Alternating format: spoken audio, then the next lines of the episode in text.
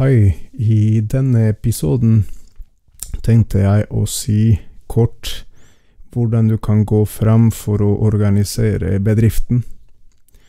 Eh, grunnen til at jeg syns det det, det er viktig å presisere dette, er fordi ofte ser man at eh, man starter organiseringen i feil ende.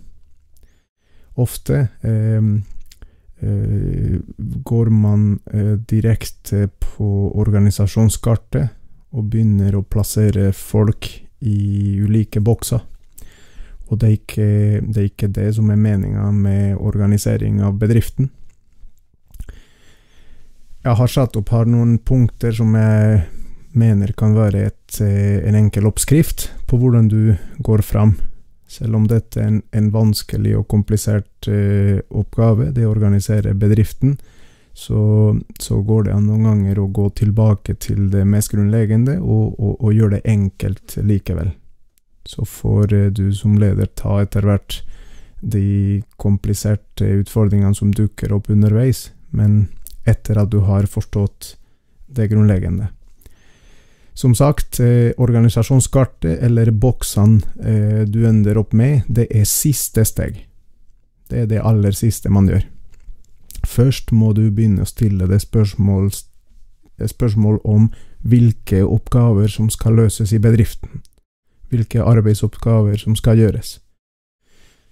Se for deg at det er snakk om en håndverkerbedrift i byggebransjen. Da kan du begynne å spørre deg, etter å ha gjort en, en vurdering av oppstarten og hvilket marked du skal betjene, så, så, kan det hende at du tenker at eh, bedriften skal drive med, med mm, rehabilitering og tilbygg eh, eh, av private boliger.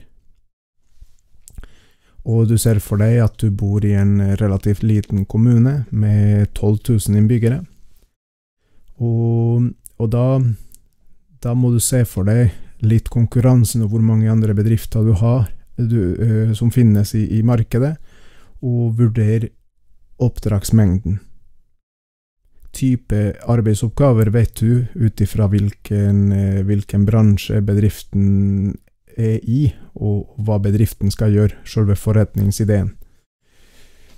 Eh, si at eh, i dette tilfellet, i dette eksempelet, er det rehabiliteringsjobber og tilbygg som skal gjøres. Da snakker vi om kjerneaktiviteter i den bedriften. Altså selve produksjonen. Det er det bedriften skal drive med. Og også, eh, for å kunne gjøre det, så trenger du først og fremst bemanning. Du trenger håndverkere. Og når du først har bemanning, så, så må du eh, å, å, ha noen som håndterer personal. Eh, lønn, noen som håndterer timelister, noen som håndterer eh, reiseregninger, eh, sykefravær. Og i tillegg, når du driver bedrift, så, så, vil det også være behov for andre typer støtteaktiviteter, som regnskap. Det må du gjøre uansett. Da begynner du å få et bilde av hvilke arbeidsoppgaver som skal løses totalt sett i bedriften. Det er steg nummer én Nummer to er å vurdere hvilken kompetanse som kreves for å løse de arbeidsoppgavene du har satt opp.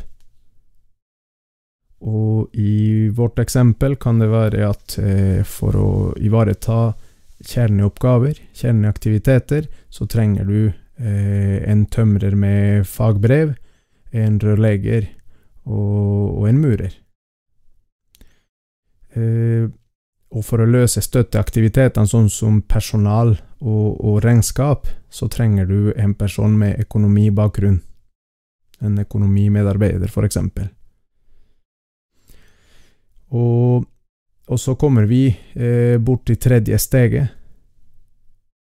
Det er mengde eller kapasitet, altså hvor mye av kjerneaktivitetene skal, gjøre, skal gjøres, og hvor mye av støtteaktivitetene skal gjøres er det snakk om tre håndverkere totalt sett du må ha for å ivareta den oppdragsmengden du har sett for deg, eh, eller er det ti? Og har du ti medarbeidere, så sier det seg sjøl at det blir litt mer arbeid med lønn. Sånne vurderinger må du gjøre i forhold til kapasitet. Og da begynner organiseringen å ta form. Og når du da har svart på de tre spørsmålene, arbeidsoppgaver, kompetanse og kapasitet, det er først da at du kan begynne å gruppere eh, de arbeidsoppgavene som, eh, som passer sammen, i ulike bokser. Eh, du kan da eh, se for deg at eh, lederoppgaver, for det må du ha i tillegg, alle bedrifter må ledes av noen, så kan du se for deg at det blir et aksjeselskap, og da finner du ut at du må ha et styre som ivaretar det strategiske og forvaltningen av bedriften, men i tillegg må du ha en person eh, som ivaretar det daglige, en daglig leder. Og så ser du at eh, oppdragsmengden er så, at, eh, er så, stor at du vil ha behov for en prosjektleder. Det er da du begynner å definere boksene som skal være eh, i bedriften. Så har du kanskje kommet fram til at du trenger ti håndverkere, og de må koordineres litt, så du trenger i tillegg en bas som er ute i produksjon, men har litt koordineringsansvar så snakka vi om at noen må bare ta regnskap, lønn og personal. Og da kan du ha en egen økonomi, eh, personal, medarbeider.